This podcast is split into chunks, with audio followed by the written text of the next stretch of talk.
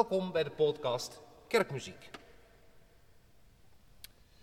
We horen juist een koraalzetting over Psalm 43 in de Geneefse versie. De koraalzetting was van de hand van de Haarlemmer organist Klaas Bolt. Psalm 43 is de naamgever van zondag Judica. Verschaf mij recht. We hebben dan de zondag ervoor, zondag Letare gehad. De vrolijke zondag in de 40 dagen. Met roze antependium en roze stola. En dan gaan we bij zondag Judica, want ja, Jeruzalem komt steeds dichterbij. Weer terug naar het diepe paars van de 40 dagen tijd. Van de boete, van de berouw, van de ernst. Psalm 43, prachtige Geneefse melodie. Inspireerde organist Klaas Roelof Bolt ooit eh, tot het improviseren van een fantastische eh, set variaties, een koraalpartita. Uh, hij deed dat improviserend in november 1985 voor een grammofoonplaatopname van zijn Christian Müller orgel in de Grote of Sint-Bavelkerk te Haarlem. Klaas Bolt was zeer betrokken op de gemeentezang. Hij schreef onder andere een artikel gemeentezang in een crisissituatie. Hij was bang dat de oer-Hollandse gemeentezang, eh, laten we zeggen het stoere gezang in een gedragen tempo, in een grote ruimte, met een mooi historisch orgel erbij, dat die zou verdwijnen of zou verwateren. Eh, misschien ook wel eh, eh, ten gevolge van de kantorijpraktijk eh, van de liturgische beweging in zijn dagen. Hij pleitte onder andere voor een wat langzamer tempo van de uh, gemeentezang dan wat veel van zijn vakbroeders voorstonden. Er waren hele discussies over in die tijd. Hij baseerde zich in ieder geval op grote ruimtes en op grote historische orgels en op oude gemeentezangpraktijken. Heel gebruikelijk was het bijvoorbeeld om op zo'n groot orgel een diskantregister, een uitkomende stem, te nemen om de melodie extra duidelijk te laten uitkomen en daarbij ondersteund op een ander klavier door de akkoorden met grondstemmen en een stevig pedaal, een stevige bas daaronder. De tweede koraalzetting van Klaas Bolt die ik nu ga spelen, zal ik spelen met een combinatie van registers, een 8 voet, een 4 voet, een 3 voet. 3 voet ook wel kwint, klinkt een kwint hoger, oftewel vijf tonen hoger dan de grondtoon. De grondtoon klinkt zo. De, kwinttoon, de kwint alleen klinkt zo. Vijf tonen hoger. Samen horen we weer de grondtoon. De toon die we moeten horen. Daar kan ik ook nog een terts aan toevoegen. Komt er weer een boventoon bij, de derde. Spreek dat ook nog eens een keer in octaven. Hier met de vrouwen mee en hier met de mannen mee. Krijgen we.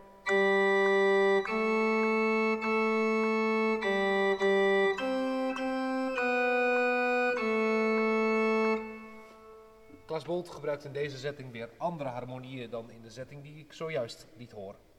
Harmonie kan namelijk echt een smaakmaker en een kleurmaker zijn en ook een stimulans voor de gemeentezang.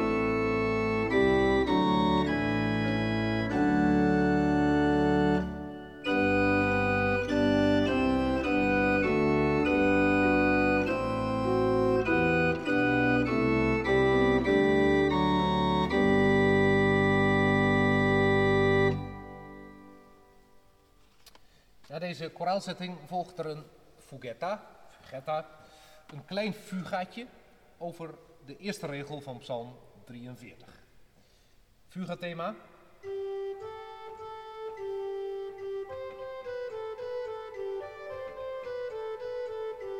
vijf tonen hoger beantwoord, de kwint.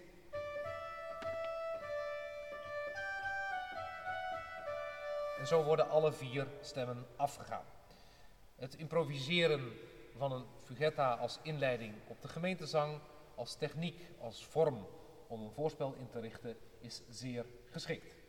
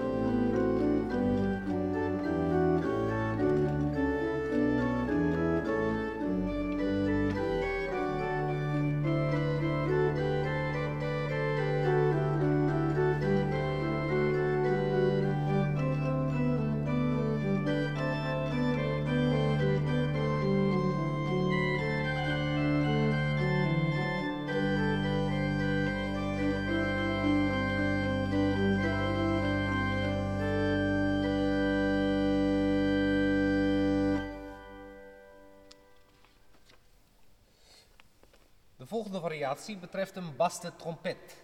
Baste trompet is een vorm uit de Frans-barokke traditie. Daar is het gebruikelijk om suites te improviseren, bijvoorbeeld over het Magnificat, of, of missen te improviseren, waarin er een baste trompet over bijvoorbeeld het Gloria gaat. De vorm bepaalt dus ook in hoge mate de registratie. Een baste trompet, een uh, trompet 8 voet, gebruikt aan de baskant, aan de lage kant van het klavier, eh, is heel karakteristiek. En zonder trompet speel je niet zo snel een basse trompet, om er eens even een open deur in te trappen. Dan zit je op dit orgel, in de, uh, het koororgel van de Goudse Sint-Jan, een klein probleempje. De trompet zit namelijk niet op het klavier en het is een partij om met de handen te spelen. Hij zit alleen op het pedaal. Nou, we gaan eens even kijken of dat ook met de voeten gespeeld kan worden.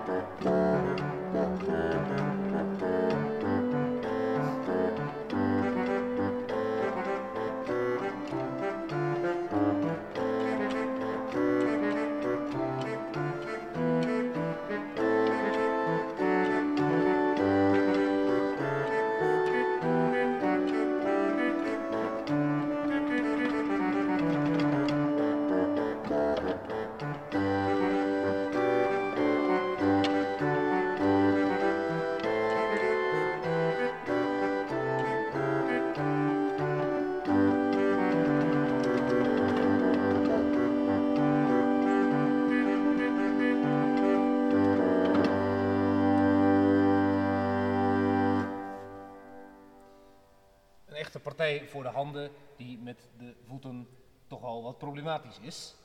Ten meer dat het hier een uh, trompetregister betreft, een tongwerk, dat bedoeld is voor het spelen van lange melodielijnen. De aanspraak is dan ook een beetje traag, het is niet altijd op tijd, waardoor het niet echt goed lukt om daar mooi, ritmisch en prompt op te spelen. Hoe is dan zo'n trompet van het pedaal wel bedoeld? Nou, bijvoorbeeld voor het laten uitkomen van de melodie. Eh, je zou dus prima deze psalm kunnen begeleiden met de melodie in het pedaal en dan in een tenorligging. Dat klinkt dan al dus.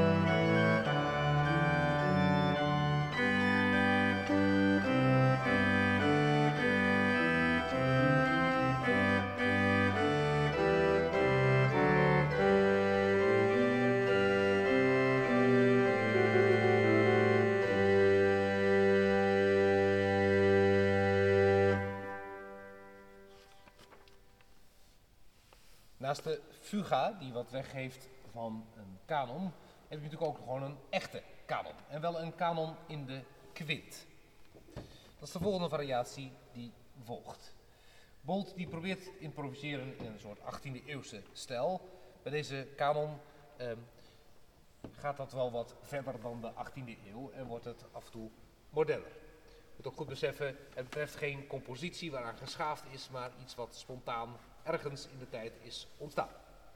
Kanon of Psalm 43.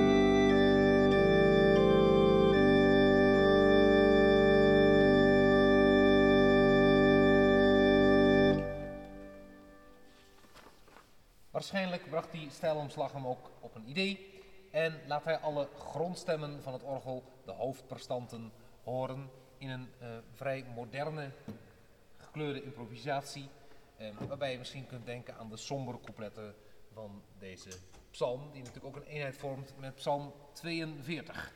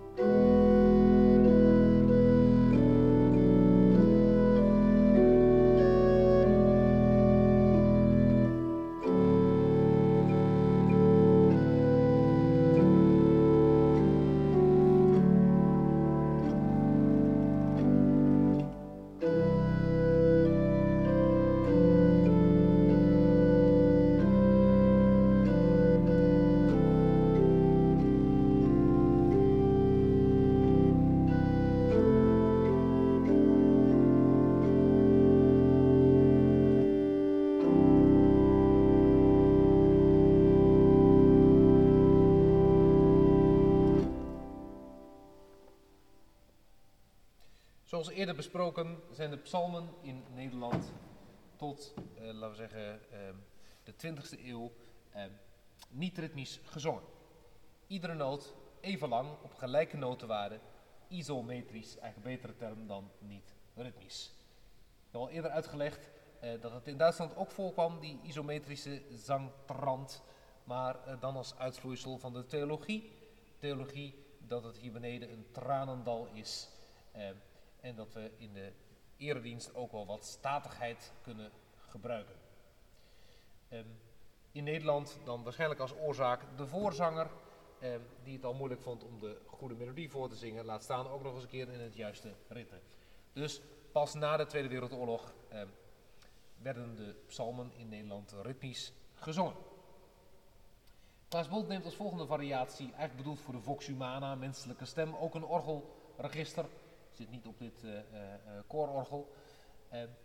neemt hij ook het niet-ritmische, het isometrische zingen. We horen de koraalmelodie eerst met een uitkomende stem, in zijn geval dus de vox humana, voorgedragen. En dan een ad libitum, naar believen passage, wat een zogenaamd interludium betreft.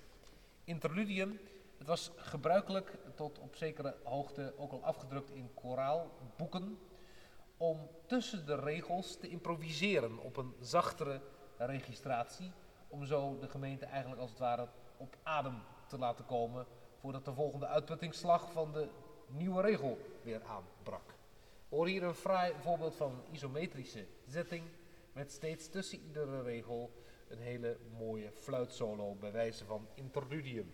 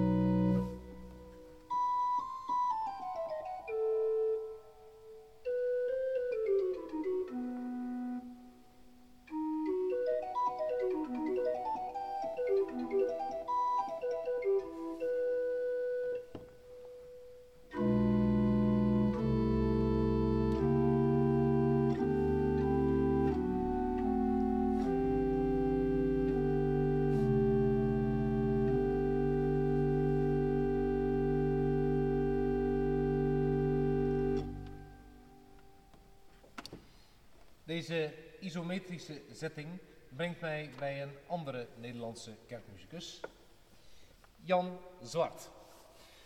Tot op de dag van vandaag bij het Nederlandse kerkvolk geen onbekende. Hij spande zich in voor een eigen Nederlandse koraalkunst en onder de titel Muziek over de wijzen der psalmen Davids verschenen een heel aantal bewerkingen over Geneefse psalmmelodieën. Hij was een groot voorstander van de in die tijd, in zijn tijd, gebruikelijke niet-ritmische isometrische zangtrand. Dat was, gebeurde dus ook bij de Lutheranen, dus het is niet een specifiek uh, Calvinistisch verschijnsel. Jan Zwart schrijft in een van zijn boekjes een psalm 6 in de stijl van het oud-Nederlands koraalspel. Nou, psalm 6 is natuurlijk een psalm die uitstekend past in de boetetijd die de 40 dagen tijd ook is. Psalm 6, Jan.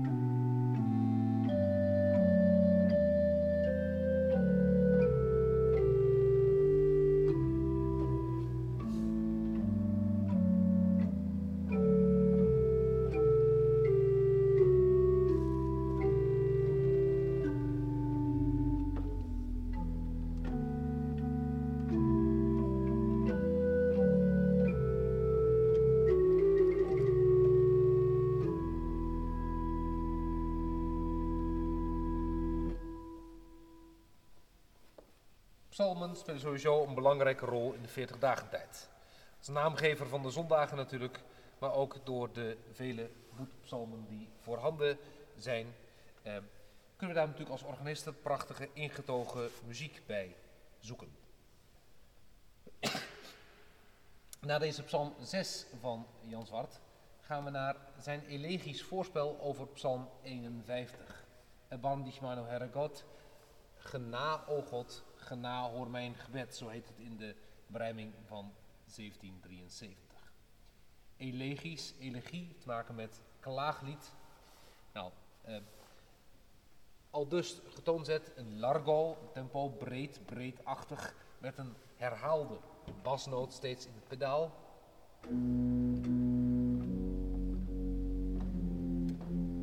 Ook nog eens in halfjes, lamento bas, klagend.